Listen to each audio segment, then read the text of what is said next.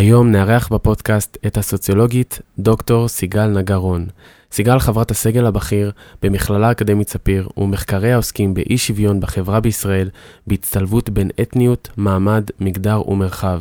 מאמרה שעסק בסטטיסטיקה הלאומית הוביל לשינוי מדיניות הלשכה המרכזית לסטטיסטיקה ביחס למדידת אי שוויון אתני בדור השלישי. בשנה האחרונה, ספרה, מגוונים את מגדל השן, על חוויותיהם של דור ראשון לאקדמיה, בשיתוף עם תמיר רז ומוטי גיגי, יצא לאור בהוצאת פרדס. היי סיגל. היי. אני יכול לקרוא לך סיגל ולא דוקטור כל הזמן? ברור. אה, קודם כל, אה, תודה רבה שהגעת לכאן. אה, אני רק אגיד שעד עכשיו הבאנו כל מיני סיפורים אישיים של אנשים, שככה גרו באשדוד ויצאו מהבועה, והיה לי מאוד חשוב להביא את הזווית האקדמית, הזווית המחקרית האקדמית, שנדבר על הדברים בצורה קצת יותר מדויקת. אז uh, נתחיל uh, uh, בילדות. איפה גדלת? טוב, אז אני לא גדלתי באשדוד, אבל גדלתי בבאר שבע, גדלתי בשכונה ד', שכולם ככה מכירים אותה, ובערך כשהייתי בת עשר, אז עברנו לשכונה אחרת בבאר שבע, אבל uh, כל ילדותי הייתה uh, בעיר באר שבע. ומילדות הייתה לך את המשיכה לתחום הזה של uh, חברה ומעמדות ואי שוויון? לא. האמת שמה שרציתי להיות כשאני אהיה גדולה זה להיות פסיכולוגית. והלכתי ללמוד מדעי התנהגות באוניברסיטת בן גוריון, אה, ש, ששם היה פסיכולוגיה יחד עם סוציולוגיה ואנתרופולוגיה, ומאוד מהר הבנתי שהרבה בעיות שאנחנו מגדירים אותן כבעיות אישיות שלנו, בעיות uh, שבגינם אנחנו הולכים לפסיכולוגים, הן בעצם לא בעיות אינדיבידואליות, אלא הן בעיות חברתיות. אה, כן, אדם, אה, למשל, שהוא מובטל, והוא חושב שהבעיה היא בעיה שלו, אבל בעצם זו בעיה שהיא בעיה חברתית.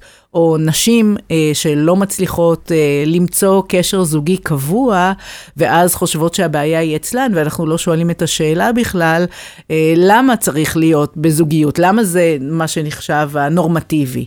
אז הרבה מהסוגיות שמעסיקות אותנו כאינדיבידואלים, ואנחנו חושבים שהן בעיות שלנו, הן בעצם אה, סוגיות חברתיות, הן תוצאה של משהו במערכת החברתית, במסגרת החברתית, שגרמה לנו לחשוב שזה אישי שלנו.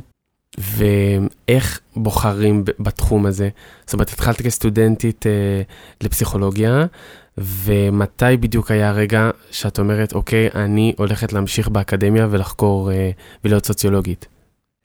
אה, טוב, אז זה באמת לא היה מאוד מובן מאליו שאני אהיה יום אחד אה, דוקטור לסוציולוגיה.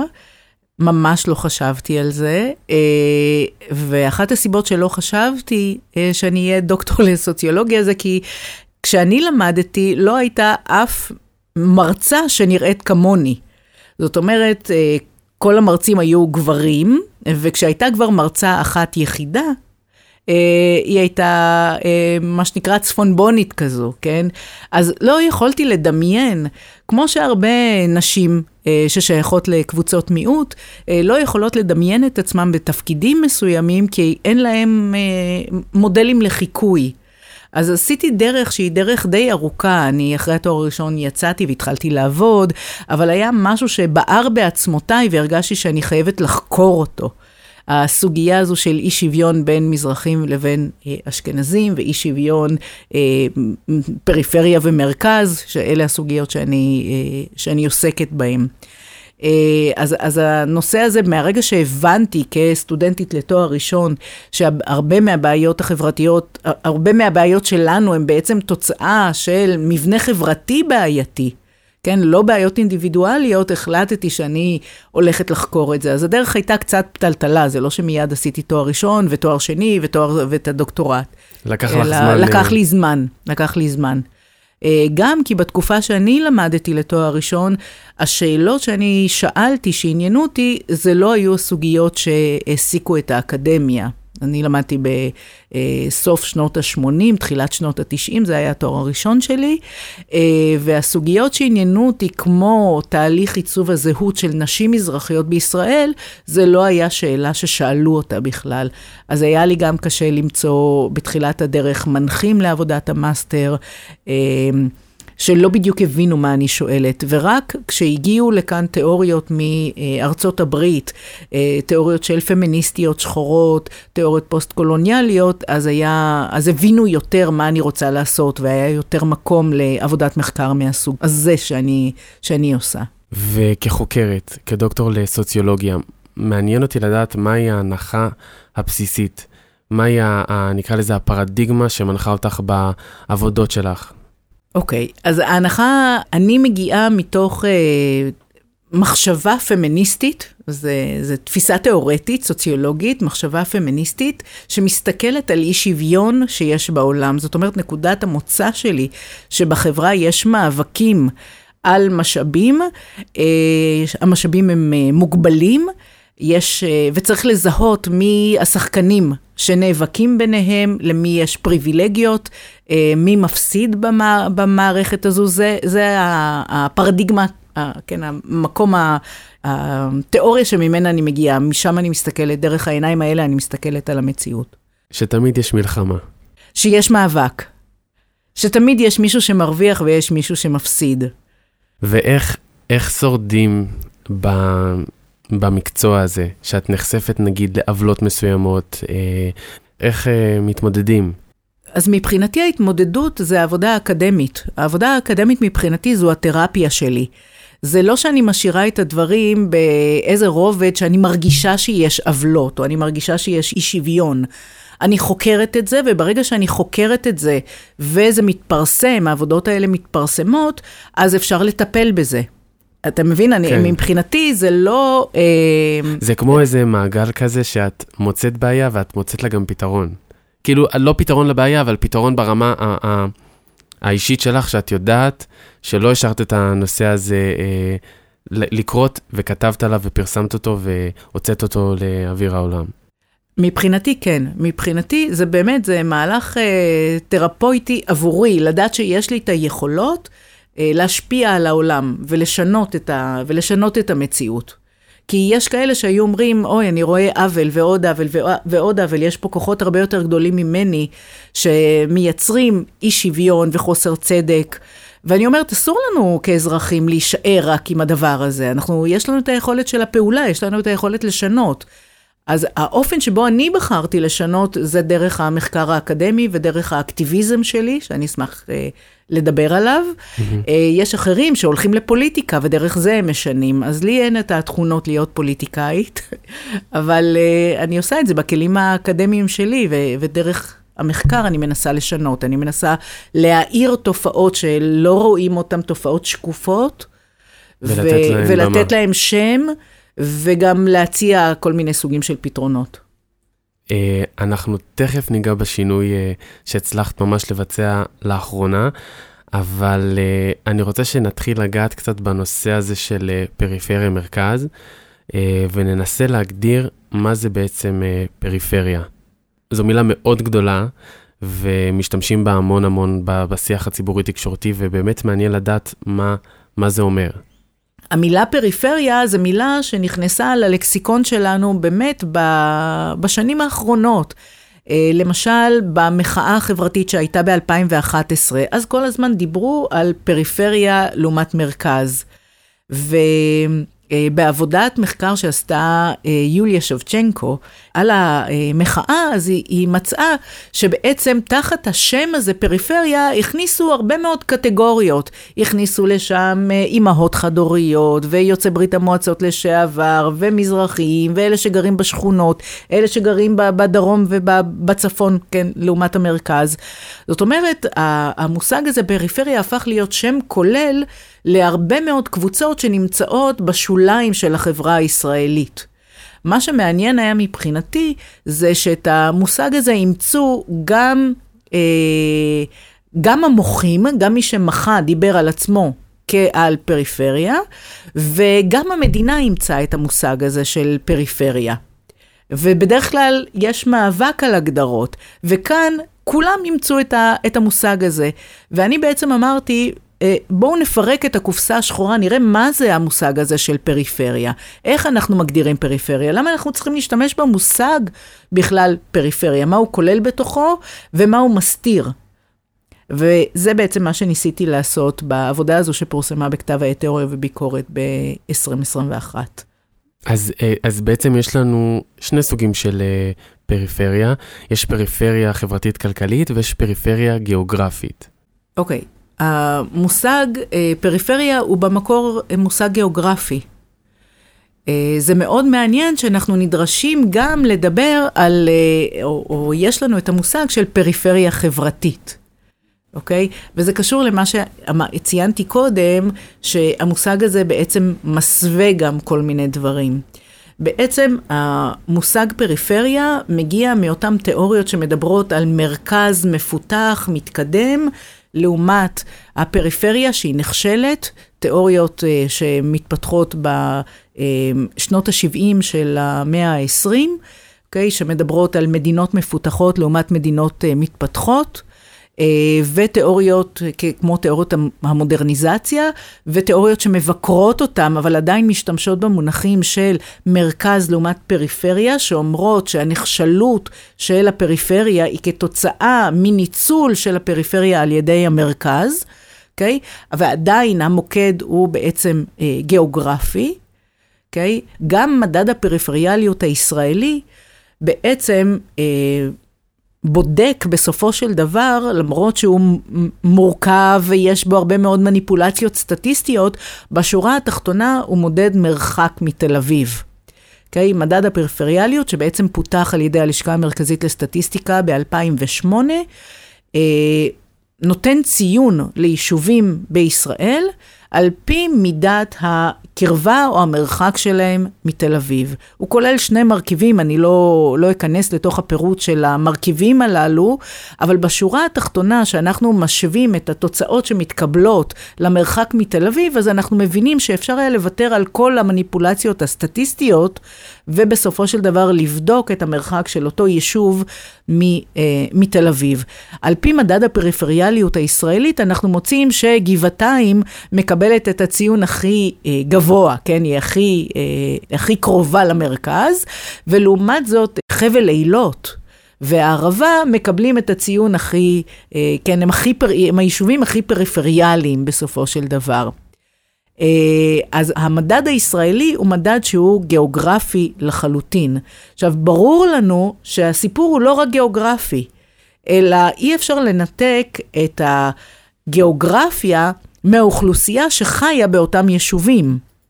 כן, אנחנו יכולים להסביר את המצב הסוציו-אקונומי של יישובים מסוימים בהתאם להשתייכות הלאומית של האזרחים שחיים שם, או בהתאם להשתייכות האתנית שלהם.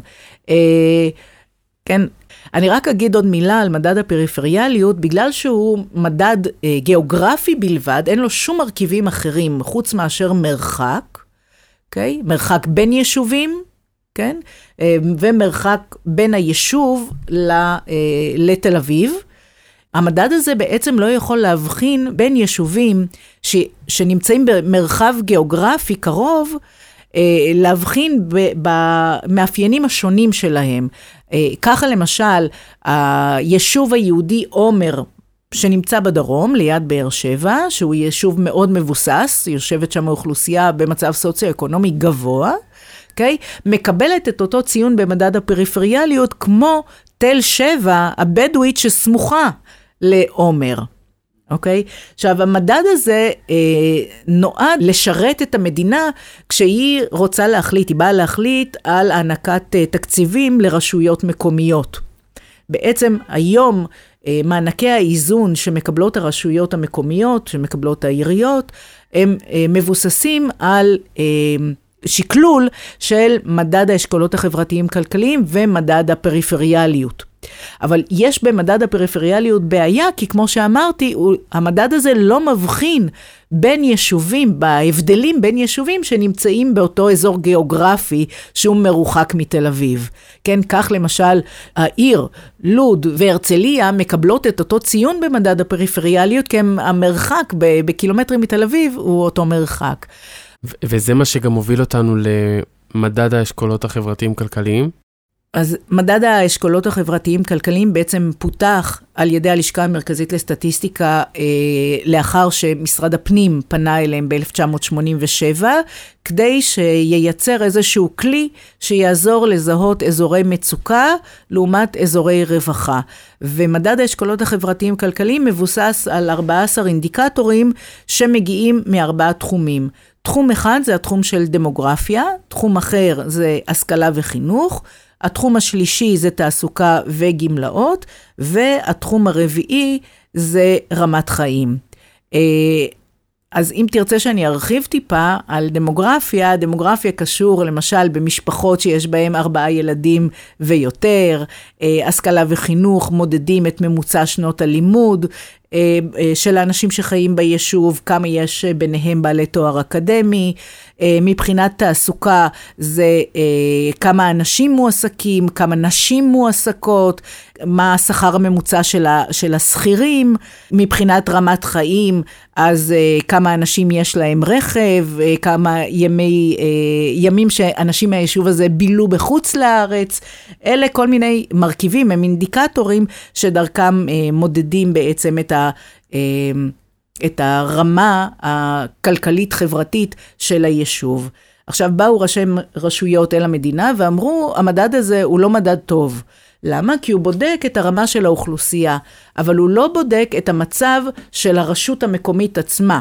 כי יש רשויות שכל המקורות הכנסה שלהם מגיעים רק מהארנונה שהתושבים משלמים, ויש רשויות אחרות שיש, המצב שלהם הוא יותר טוב, כי יש אזורי תעשייה שמשם יש להם מקורות הכנסה נוספים.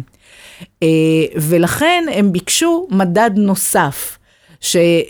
הוא, יחד עם מדד האשכולות החברתיים-כלכליים, הם ביחד יהוו את הכלי שבאמצעותו המדינה תעביר תקציבים כדי למתן את אי השוויון. והמדד הנוסף שפיתחה הלשכה המרכזית לסטטיסטיקה זה מדד הפריפריאליות. אז כמו שאמרתי קודם, מדד הפריפריאליות יחד עם מדד האשכולות החברתיים-כלכליים השילוב של שניהם, השקלול של שניהם, הוא בעצם היום מה שקובע את הכספים שהמדינה תעביר לרשויות המקומיות לטובת השכלה, לטובת רווחה, אה, תרבות וכולי. בעצם למדינה יש אינטרס למתן את אי השוויון. ודרך אה, מענקי האיזון היא עושה את זה. Mm, אני מבין. Uh, כשהצגתי אותך אמרנו שמאמר שלך בנוגע לאי שוויון אתני בדור השלישי הצליח לשנות מדיניות של הלשכה הלאומית לסטטיסטיקה. נכון. Uh, את רוצה לספר לנו על השינוי? אני על, אשמח... על הנושא ועל השינוי. כן, ו... אני אשמח ממש לספר, כי זו עבודה שהשקעתי בה כמה שנים טובות.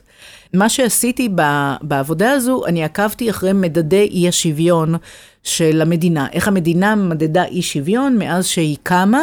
ועד היום. ובעצם ראיתי שבעשורים הראשונים המדינה מדדה אי שוויון דרך המוצא. העבודה שלי בעצם התבססה על ניתוחים של השנתונים הסטטיסטיים מהשנתון הסטטיסטי הראשון, 1950, ועד לשנתון הסטטיסטי האחרון, לאז אה, השנתון של 2020, אה, ובדקתי כמה אה, פילוחים על פי מוצא היו אה, לאורך השנים. אז נראה לנו היום שמדידת אי שוויון על פי המוצא, זה היה סביר בש, בעשורים הראשונים, והיום אין בו צורך. זה גם, זה גם בעצם המדיניות של הלשכה המרכזית לסטטיסטיקה. כן, היא אומרת, בהתחלה היו הבדלים בין מזרחים לבין אשכנזים, ולכן היה צריך למדוד אותם, והיום אנחנו כבר כולנו ישראלים, אז אין, אין טעם להמשיך עם, ה, עם המדידה הזו. זו התפיסה של הלשכה המרכזית לסטטיסטיקה, וזו גם התפיסה הרווחת בישראל. ב, ב, התפיסה הציבורית, כן, הרווחת.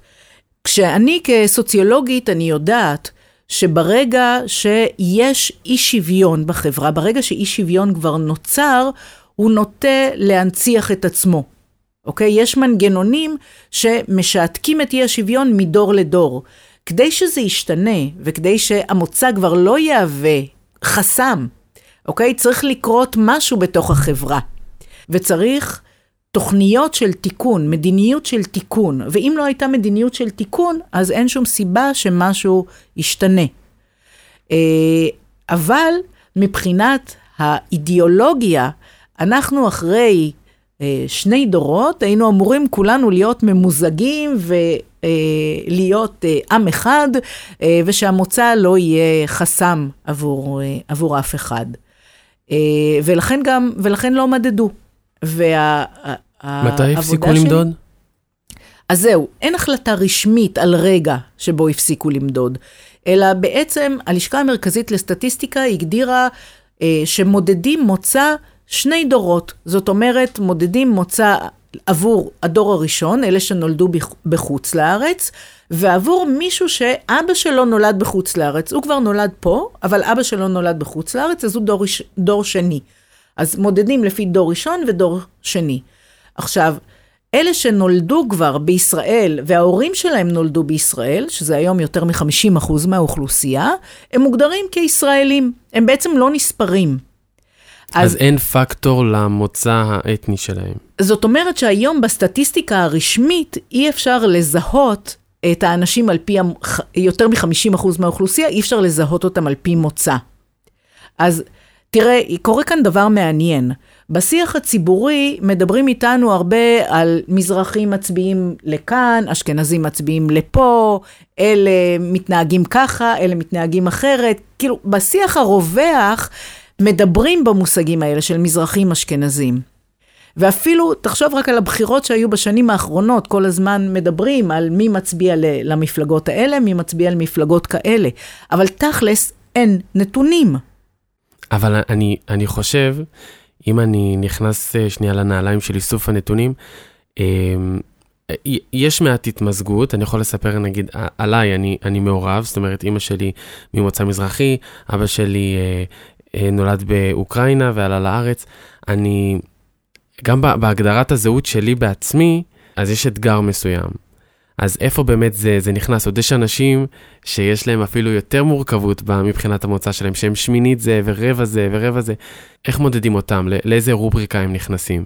דן, אני ממש מודה לך על השאלה הזו. כי זה באמת מה שכולם אומרים לי, נו, תעזבי אותך. אנחנו היום כולנו מעורבבים.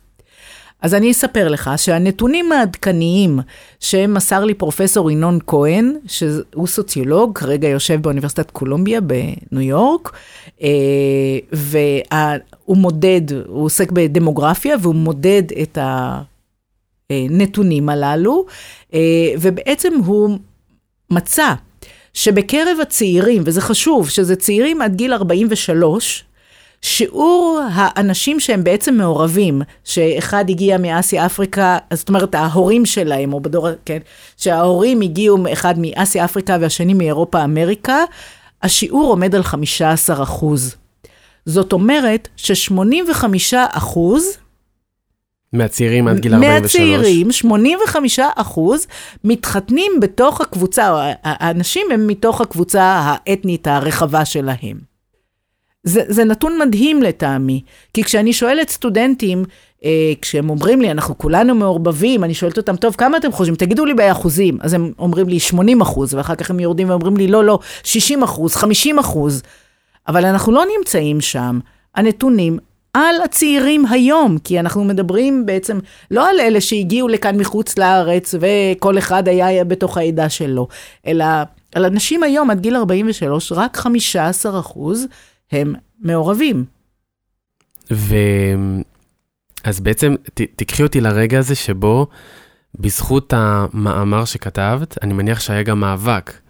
אה, בעצם היה שינוי מדיניות בלשכה אה, הלאומית לסטטיסטיקה. איך זה קרה? אוקיי, אז, אז באמת אה, פרסמתי את, ה, את המאמר הזה שמראה שהלשכה המרכזית לסטטיסטיקה בעשורים הראשונים מדדה את אי השוויון דרך המוצא. והיום היא כבר לא עוקבת, לא מנטרת את אי השוויון לפי המוצא.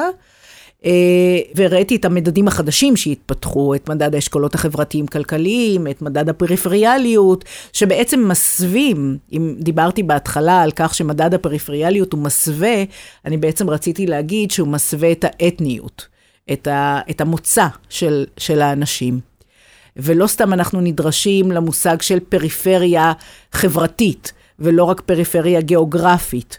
נכון? יש לנו גם mm-hmm. את העניין הזה של פריפריה חברתית. מה זה פריפריה חברתית? למי אתם מתכוונים כשאתם אומרים פריפריה חברתית? אז מתכוונים שם לערבים, נכון? ומתכוונים לתושבי השכונות בערים הגדולות, כן, השכונות הנחשלות, ולתושבים בערי הפיתוח, זה, זה הפריפריה, לזה מתכוונים. חרדים גם? אה, אה, גם, אבל הלשכה המרכזית לסטטיסטיקה מודדת ואת הנתונים, את המצב של חרדים.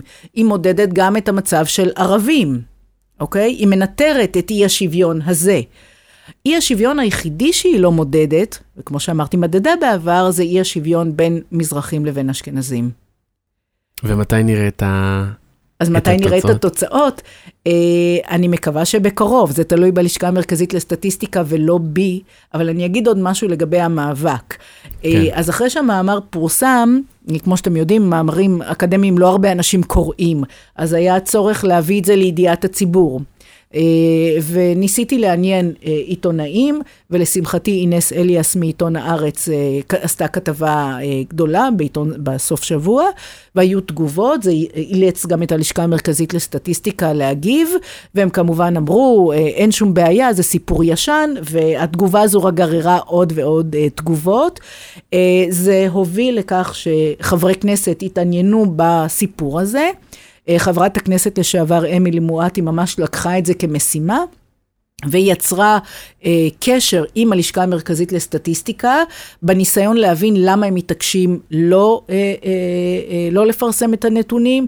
אז בהתחלה אמרו, אנחנו צריכים אה, כסף כדי לשכלל את האלגוריתם שלנו שמזהה את המוצא, אה, והיא הצליחה להשיג את התקציבים האלה. וברגע שהיא הצליחה להשיג את התקציב, גם כסף וגם תקנים ללשכה המרכזית לסטטיסטיקה, אז הם אמרו, אנחנו נשכלל את האלגוריתם, אבל זה יהיה, יעמוד לטובת חוקרים שמעוניינים בזה. ואז נכנסו לסיפור האגודה לזכויות האזרח, יחד עם סיון תהל ועורכת הדין מסכית בנדל, שהם בעצם פנו במכתב רשמי ללשכה המרכזית לסטטיסטיקה, שתסביר להם, היא הרי צריכה לפרסם את הנתונים שהם יהיו שקופים לציבור. למה את זה לא לפרסם? ואז לשמחתי קיבלנו את המכתב מהסטטיסטיקאי הלאומי, זה שנכנס כרגע לתפקידו, יואל פינקל, את התשובה שלו שאומרת, כן, אתם צודקים. שכנעתם אותנו, הראיתם לנו דרך מחקרים שלא הלשכה המרכזית לסטטיסטיקה עשתה, אלא דרך מחקרים אה, אחרים, הראיתם לנו שאי השוויון בין מזרחים לאשכנזים זה משהו שאנחנו צריכים להמשיך ולמדוד אותו, ולכן אנחנו אה, הולכים לשנות את המדיניות ולחשוב איך מודדים מוצא בדור השלישי, ולהציג גם את הנתונים האלה בפני, ה, בפני הציבור. אז כרגע הלשכה המרכזית לסטטיסטיקה עוד יושבת וחושבת איך הם ימדדו את זה, אה, אבל זה אמור לקרות בקרוב. וכחוקרת, מה ההשערה שלך? מה אנחנו עתידים לראות?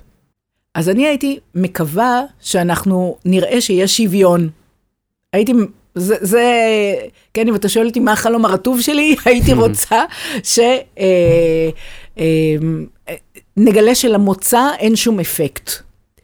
אבל לצערי, מאחר ואני סקרתי מחקרים שלא התבססו על הנתונים של הלשכה המרכזית לסטטיסטיקה, אלא נתונים מגורמים אחרים, okay, אוקיי? חוקרים שלקחו את הנתונים ממשרד הפנים, אה, והצליבו אותם עם נתונים של אה, רשות המיסים, אז אנחנו יודעים שעדיין יש אי שוויון בהכנסות, אנחנו יודעים שעדיין יש אי שוויון אה, בהשכלה.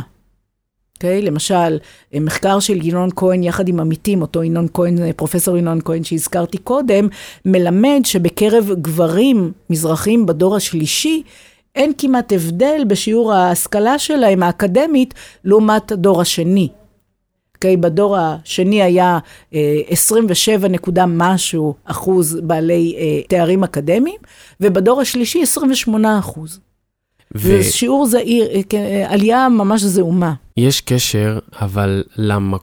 למיקום הגיאוגרפי בארץ, זאת אומרת, יכול להיות שגברים דור שני מזרחים באשדוד, יכול להיות שהם יותר משכילים מגברים דור שני מזרחים בירוחם או דימונה? יש קשר, כן, יש בהחלט קשר, אה, אבל שוב, אנחנו צריכים לזכור שאנשים הגיעו והתיישבו במקומות מסוימים לא מתוך בחירה. זה לא שאנשים הגיעו ובחרו, אני אשב בצפון תל אביב או אני אשב אה, אה, במצפה רמון. אלא בשנות ה-50 המדינה החליטה עבור עולים מסוימים איפה הם ישבו, ועבור עולים אחרים איפה הם ישבו. אני אה, בכוונה אומרת את זה כך, אני חושבת אה, לטובת המאזינים, אולי לספר שכדאי להם לראות את הסרט של אה, דוד דרעי, בוגר מכללת ספיר, הסרט שלו סאלח פה זה ארץ ישראל, שממש מביא את כל העדויות, את המסמכים הרשמיים של המדינה, שב-56 מגיעים עולים ממרוקו, והמדינה אומרת באופן רשמי, האנשים האלה הם אלה שילכו לגור בנגב, בדרום, הם יהיו בירוחם, הם יהיו בדימונה. ולעומת זאת, הפולנים שמגיעים באותה שנה, במסמכים רשמיים כתוב, האנשים האלה לא יכולים לחיות בתנאים שיש בנגב, אז אנחנו נבנה להם שיכונים ברמת אביב. אוקיי? Okay? אז המדינה היא זו שהסלילה, כן? החלטות המדינה על איך לפזר את האוכלוסייה, מי ילך לאיפה, איזה, כמה השקעה של המדינה תהיה בחינוך באזורים השונים, זה בעצם מה שיצר גם את המתאם הזה בין מוצא לבין מעמד. וכמו שאמרתי, ברגע שנוצר מין אי שוויון כזה, הוא נוטה לשמר את עצמו, הוא נוטה להנציח את עצמו. כדי לתקן צריך לעשות פעולות. וכל עוד הפעולות האלה לא קרו, אז אנחנו מוצאים את המתאם הזה בין מוצא לבין מעמד.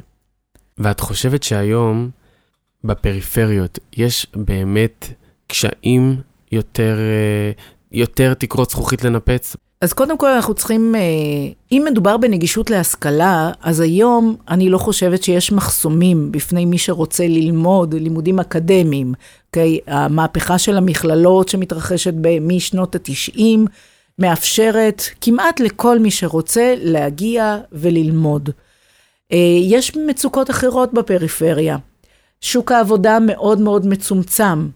אנחנו יודעים ממחקרים ששיעור המשרות לאקדמאים, למשל בדרום, עומד בסך הכל על 8 אחוז, אוקיי? Okay? בסך הכל 8 אחוז מהמשרות הן משרות לאקדמאים ולאנשים בתחומים של ניהול.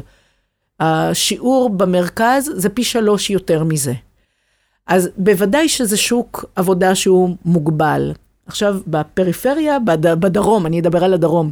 בדרום, אה, אבל זה קורה גם במקומות אחרים, בשני העשורים האחרונים קורים עוד אה, אה, שינויים דמוגרפיים, ונכנסות אוכלוסיות חדשות לתוך ה... היישובים הללו. אז אם בשנות ה-50, 60, 70 היינו יכולים להגיד ערי הפיתוח, יש בהם בעיקר מזרחים, כן, ממש לזהות את היישוב עם מוצא מסוים, אז היום אנחנו יכולים לראות שהיישובים האלה הם הרבה יותר הטרוגניים. כן, למשל, אם ניקח את, אה, את שדרות, אז אנחנו יכולים לראות שיש שם אה, את הקיבוץ העירוני שמגיע לשם. או ניקח את מצפה רמון, שאנחנו יכולים לראות שמגיעים לשם יזמים מתל אביב, אה, כי הם רוצים איזושהי איכות חיים ייחודית שיש במצפה רמון. מאז ההתנתקות אנחנו רואים יותר ויותר גרעינים תורניים בתוך ערי הפיתוח. גרעינים תורניים זה בעצם משפחות מהציונות הדתית שמתארגנות כקהילה, כעמותה, והן מגיעות לערי הפיתוח בתמיכת המדינה. כן, המדינה מסבסדת את, ה, את החיים שלהם שם, הם מקבלים למשל דיור ציבורי, אוקיי? Okay? ומקימים שם מוסדות שלהם, מוסדות אה, חינוך שלהם, ומעניין לקרוא את העבודות שמתעדות את השינויים האלה שהגרעינים התורניים מובילים אליהם בערי הפיתוח.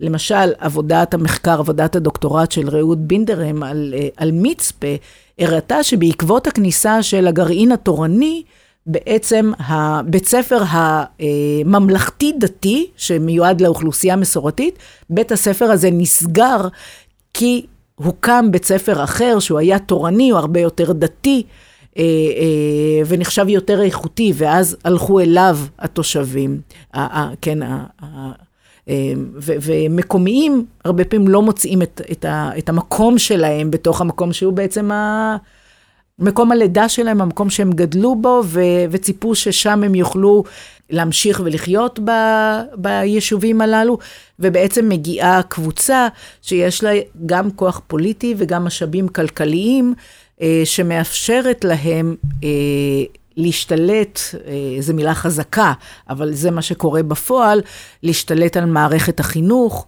וגם על משרות בשוק העבודה. אם אני מסתכלת למשל בעבודה שאני עשיתי, על תעסוקה של נשים בערי הפיתוח ונשים אקדמאיות שרצו להיות מורות או עובדות סוציאליות, והן מדברות בצורה מאוד גלויה על כך שהמשרות בתקן בתוך בית הספר, או המשרות של העובדות הסוציאליות, ניתנות לנשים מהגרעין התורני.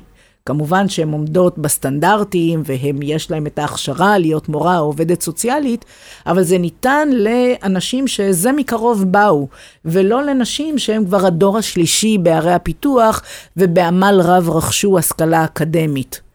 זה, זה בעצם המצב היום, אה, ככה אני מזהה אותו יחד עם חוקרים נוספים לגבי מה שקורה בערי הפיתוח. והרשויות אה, מודעות למצב הזה? Uh, כן, והתגובות הן uh, מאוד מעניינות. אם, אם הזכרתי את העבודה של רעות בינדריאם, אז היא מצטטת שם את ראש העיר של מצפה, שאומר, אני מאוד שמח שהם באו לכאן, כי הם העלו את הרמה של האוכלוסייה. אני, אני נתתי להם את, ה, את, את המבנה של בית הספר, ואני נתתי להם את התקנים ב, ב, של משרות החינוך, והם עשו רק טוב, הם העלו את הרמה של האוכלוסייה. אה, לי קשה לשמוע את הדברים האלה, כי הדברים האלה מניחים שהאוכלוסייה, יש משהו בעייתי באוכלוסייה. שצריך להביא כן, אנשים שצריך, מבחוץ. צריך להביא את האוכלוסייה חזקה שתחזק אותם. וככה המדינה בעצם מסירה אחריות. המדינה, אם היא הייתה מעניקה לאנשים מערכת חינוך טובה, בדרום או בערי הפיתוח בפרט, אם היא הייתה, היו שם, אה, אה, היה שם שוק עבודה, איכותי, אוקיי? לא היינו מדברים על אוכלוסייה שצריך להציל אותה, כן? שצריך אוכלוסייה איכותית חד, חזקה ש, שתבוא אליה. בעצם המדינה לא לוקחת אחריות על ההיסטוריה שהיא עצמה יצרה. כן, המציאות הזו שכמו שדיברתי קודם, היא הביאה את האוכלוסייה לשם, היא לא השקיעה משאבים מספקים. אוקיי? לא בתשתיות אה, של חינוך, לא של תעסוקה וכולי. והיום היא בעצם אומרת, טוב, אני אציל עכשיו את, ה, את האנשים שחיים בפריפריה, כשאני אביא כאילו את האוכלוסיות החזקות. מלכתחילה היה צריך לדאוג, אוקיי? לתת את המשאבים לאוכלוסייה המקומית, ואז גם הדימוי אותם. שלה, כן, גם, הרי, הרי האנשים בפריפריה הם לא שונים מאנשים במרכז, אוקיי? Okay? יש אנשים אינטליגנטים בפריפריה, יש אנשים עם מוטיבציה בפריפריה, כמו שיש אנשים אינטליגנטים עם מוטיבציה במרכז. העניין הוא בהזדמנויות השונות שיש להם. אוקיי? Okay? אז אם למדת בפריפריה, בבית ספר שלא הכווין אותך לתעודת בגרות איכותית, שאיתה אתה יכול אחר כך ללכת לאוניברסיטה וללמוד מקצועות שאיתם אתה תצא לשוק העבודה ויחטפו אותך ותרוויח הרבה כסף, אוקיי? Okay? זה לא שמשהו לא בסדר אצלך. זה משהו לא בסדר במבנה של החברה, אוקיי? Okay? אז את הדבר הזה אי אפשר לתקן עם זה שמביאים אוכלוסייה כביכול חזקה. צריך להצמיח מלמטה. ואם המדינה הייתה משקיעה כראוי בערי הפיתוח, אז גם הדימוי שלהם היה משתנה, הדימוי של ערי הפיתוח, וגם הייתה ניתנת הזדמנות לאנשים, כן, להצמיח מנהיגות מקומית, ואקדמאים מקומיים וכולי. זה מחבר אותי ל... לשיחה המקדימה שהיה לנו מקודם, שדיברנו על uh, הבדלים בין אנשי מרכז לאנשי פריפריה, ואת אמרת לי שזו פיקציה. זאת אומרת שאין פה באמת הבדל, אלא יש כאן חלוקה לא שוויונית של uh, משאבים. וזה משהו שאני הולך איתו באופן אישי אחרי הפודקאסט הזה, וזה לגמרי שינוי תפיסה. תראה, אנחנו בעצם, באופן שבו אנחנו מדברים על מרכז ופריפריה, אנחנו מייצרים את הדימויים של מה זה המרכז ומה זה הפריפריה. יש לנו דרך התקשורת, מציגים לנו כל מיני דמויות שהם כאילו מייצגים של הפריפריה. אבל בפריפריה וגם בריאליטי. יש...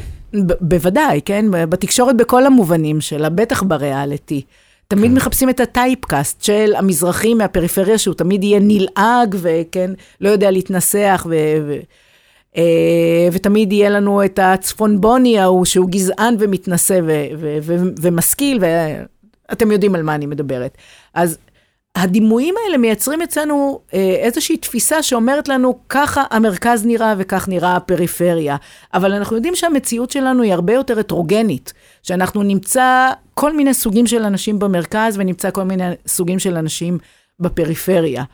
אז עוד פעם, זה, זה בעצם אה, פיקציות שאנחנו מייצרים. אה, אני חושבת שהדבר היחידי... באמת, כן. והדבר היחידי שמבחין בין אזורים שונים זה בעצם ההזדמנויות שנפתחות או נחסמות בפני אוכלוסיות שונות. ואם ככה, אני מקווה מאוד שמאזינים לפודקאסט הזה הורים ואנשי חינוך, אה, הנושא הזה של קורבנות. אף אחד לא רוצה להיות קורבן, ואף אחד לא רוצה להיות זה שגורם לאנשים אחרים להיות קורבן. זאת אומרת, אף אחד לא רוצה להיות אה, מדכא, ואף אחד לא רוצה להיות מדוכא. ובשיח שהיה לי עם אנשים לפני שהכנתי את הפודקאסט הזה, אז uh, הרבה אנשים uh, או שביטלו את הדברים שאני אומר, שאין הבדל, והכל תלוי באינדיבידואל, באדם עצמו, אם הוא רוצה להצליח, הוא יצליח. Uh, את חושבת שכדאי להנכיח את הדבר הזה, נגיד הורים לילדים, uh, לתווך להם את הנושא הזה, ואם כן, אז איך, אז איך לעשות את זה? שאלה מצוינת. אני מאמינה ש... צריך לדבר על הדברים. כי הדברים רוכשים מתחת לפני השטח, ולא רק מתחת לפני השטח. בפוליטיקה נעשה המון שימוש במושגים האלה של מזרחים אשכנזים. כמו שאמרנו, בתקשורת אנחנו רואים את כל הדימויים האלה, זה נמצא שם. אני אומרת, אנחנו צריכים לדבר בגלוי על הדברים, לא לטאטא אותם מתחת לפני השטח. אני אומרת, צריך להביא נתונים, לדעת מה קורה, כי רק אם אנחנו נדבר על זה, ורק אם אנחנו נדע למדוד את הדברים, אוקיי? Okay? אה, נוכל לטפל בזה. אני, אני תמיד אוהבת להקביל את זה, לעשות השוואה עם המאבק של נשים, אוקיי? אנחנו יודעים שכל החברות הן חברות פטריארכליות, שגברים נהנים מיתרונות שנשים לא נהנות מהן. כן, למשל, השכר הממוצע בישראל לנשים הוא 70 אחוז מהשכר של הגברים. אז אם נשים לא היו מתארגנות לשנות את המציאות, כן, בעבר הפערים היו יותר גדולים בשכר. האם נשים לא היו מתארגנות לשנות את, ה, את המצב החברתי שלהם, אז היינו נשארות בלי זכות הצבעה, והיינו נשארות בלי זכויות על הילדים שלנו, ובלי אפשרות לבעלות על נכסים, על, אפילו על חשבון בנק. כל אלה תוצאה של המאבק הפמיניסטי שנשים עשו. ואני אומרת, כל קבוצה שרוצה לעשות שינוי במציאות החברתית שבתוכה היא חיה, היא חייבת להיות מודעת למציאות הזו ולעשות מאבק שהוא מאבק גלוי. אה, אחת המוטיבציות שלי בעבודה, ש... בעבודה האקדמית שלי, למשל, זו על הלשכה המרכזית לסטטיסטיקה, זה בעצם לשים את הזרקור על התופעה הזו של אי שוויון בין מזרחים לבין אשכנזים. כי אנחנו רואים שלמדינה יש הרבה מאוד תוכניות לתיקון. למשל, אה, היום במשרות אי אפשר לפרסם מודעה שאומרת, דרוש לנו מנהל. חייבים לכתוב במודעת דרושים, גבר ואישה, כן, המודעה מתייחסת באופן שווה... מנהל סלש מנהלת. בדיוק. אוקיי? אז למדינה יש כל מיני דרכים לתקן. למשל, המועצה להשכלה גבוהה שמה לב שאין מספיק אה, ערבים בסגל האקדמי. אז היא בנתה תוכניות שיהיו ערבים בסגל האקדמי, או אין מספיק נשים בסגל האקדמי. אז יש תוכניות שמקדמות נשים. אז אם אנחנו, אין לנו מסגור, כן, ואנחנו אומרים, המוצא היום הוא משתנה שהוא לא רלוונטי, אז בוודאי לא, לא יהיו לנו אה, תוכניות של תיקון. אז אחת המוטיבציות שלי הייתה להחזיר את הקטגוריה הזו בעצם לשיח, ולבדוק האם היא רלוונטית היום. שוב, אולי היא לא רלוונטית, אבל אנחנו לא יודעים כי אין לנו נתונים. אז בואו קודם כל נדע, ולא נסתמך על הרגשות שלנו, על המחשבות שלנו, האם הצטמצם אי השוויון או גדל אי השוויון, אלא בואו נמדוד את זה, ולפי מה שנמצא נוכל לראות, אולי צריך תיקון. אבל לדבר על זה. אני תמיד בעד לדבר על זה. דוקטור סיגל נגרון, תודה רבה שהיית כאן איתנו. תודה רבה ליוגב, יוגב אמסלם, על העבודה כאן באולפן, מנהל האולפן שלנו. תודה, דן, ותודה ליוגב, תודה שהזמנת אותי. ואנחנו מחכים לתוצאות של הלשכה המרכזית לסטטיסטיקה. אני אשמח לבוא יחד עם נציגים של הלשכה המרכזית לסטטיסטיקה ולספר לכם על, על התוצאות. אני אשמח מאוד. תודה רבה. תודה.